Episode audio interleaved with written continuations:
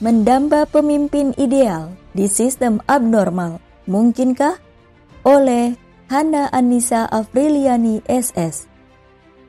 Putaran waktu terus bergulir. Pesta demokrasi lima tahunan akan kembali digelar. Aroma pertarungan politik mulai tercium dengan maraknya baliho para tokoh politik yang terpasang di beberapa lokasi.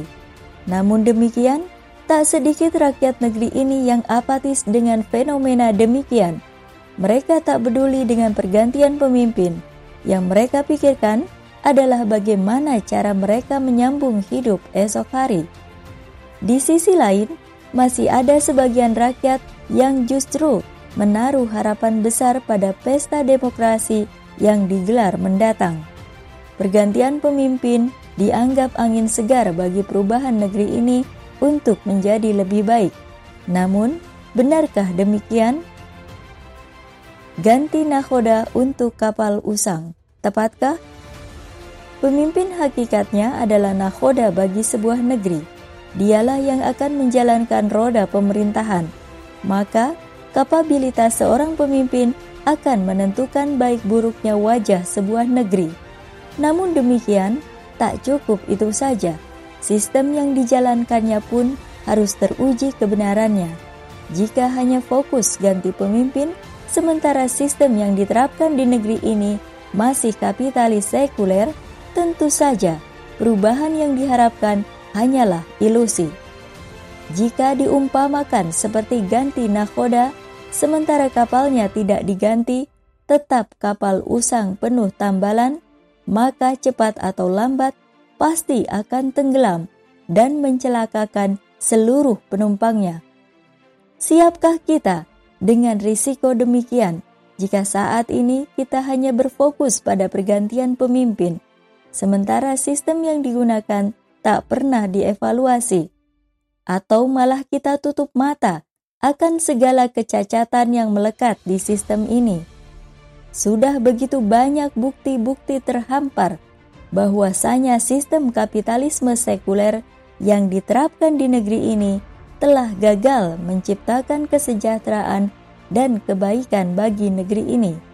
Sebaliknya, berbagai kerusakan bermunculan bertubi-tubi seiring dengan penerapan aturan ala kapitalisme yang melandaskan kebijakan berdasarkan hitung-hitungan untung rugi.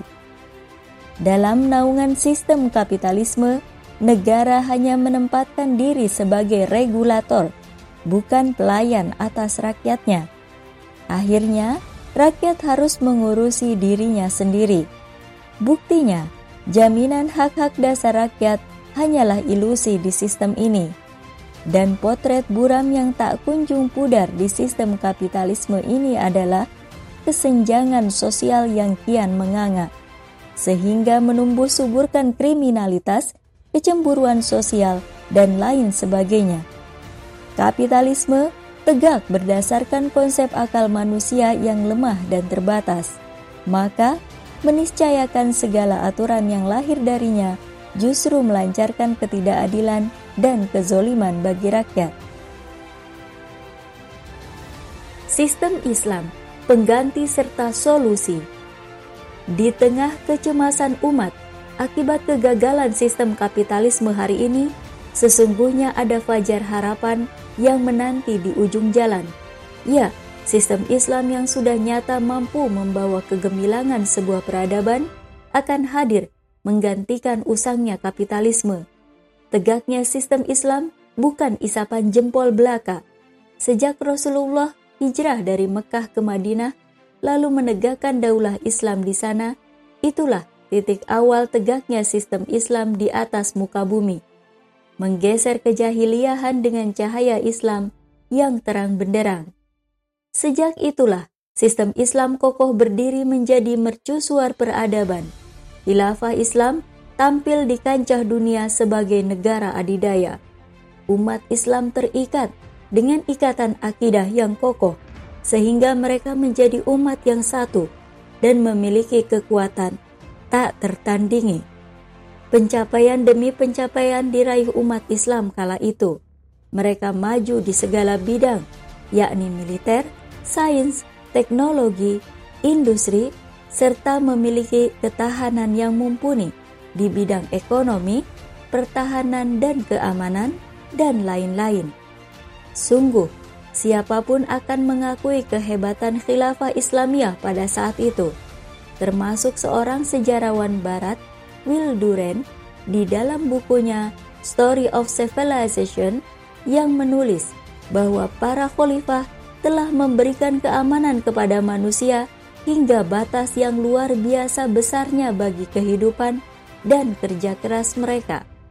Para khalifah itu juga telah menyediakan berbagai peluang untuk siapa pun yang memerlukan dan memberikan kesejahteraan selama berabad-abad dalam wilayah yang sangat luas.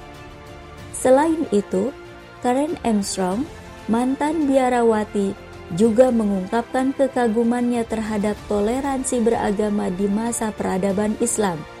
Menurutnya, dalam khilafah agama selain Islam mendapatkan perlakuan yang sangat baik. Bahkan menurutnya pula, kaum Yahudi menikmati zaman keemasan di Andalusia. Namun, karena konspirasi antek asing yang sengaja disusupkan di tubuh khilafah pada masa kehilafan Utsmaniyah, yakni Mustafa Kemal Atatürk, maka khilafah Islamiyah pun runtuh perlahan-lahan. Strategi yang mereka lakukan di antaranya menjauhkan bahasa Arab dari benak umat Islam, mempropagandakan ide nasionalisme, ditutupnya pintu ijtihad, dan menjauhkan umat dari pemikiran Islam ideologis. Pasca runtuhnya khilafah, negeri-negeri muslim dijadikan rebutan kaum kafir penjajah. Ya, sebab mereka tak lagi punya kekuatan pasca institusinya dihancurkan. Beginilah umat Islam tanpa naungan, lemah dan tak berdaya. Benarlah adanya sabda Rasulullah Shallallahu Alaihi Wasallam dalam hadis yang diriwayatkan oleh Abu Dawud. Hampir tiba masanya kalian diperebutkan seperti sekumpulan pemangsa yang memperebutkan makanannya. Maka seseorang bertanya, Apakah karena sedikitnya jumlah kita? Bahkan kalian banyak, namun kalian seperti buih mengapung, dan Allah telah mencabut rasa gentar dari dada musuh kalian terhadap kalian. Dan Allah telah menanamkan dalam hati kalian penyakit al-wahan. Seseorang bertanya, "Ya Rasulullah, apakah al-wahan itu?" Nabi Shallallahu alaihi wasallam bersabda, "Cinta dunia dan takut mati. Dalam naungan kapitalisme liberal, umat Islam lebih mencintai dunia ketimbang akhirat. Maka, wajar jika pencapaian mereka terfokus pada urusan dunia. Standar kebahagiaan mereka adalah tatkala dunia telah berada di genggaman tangannya. Sungguh, kita tak bisa tinggal diam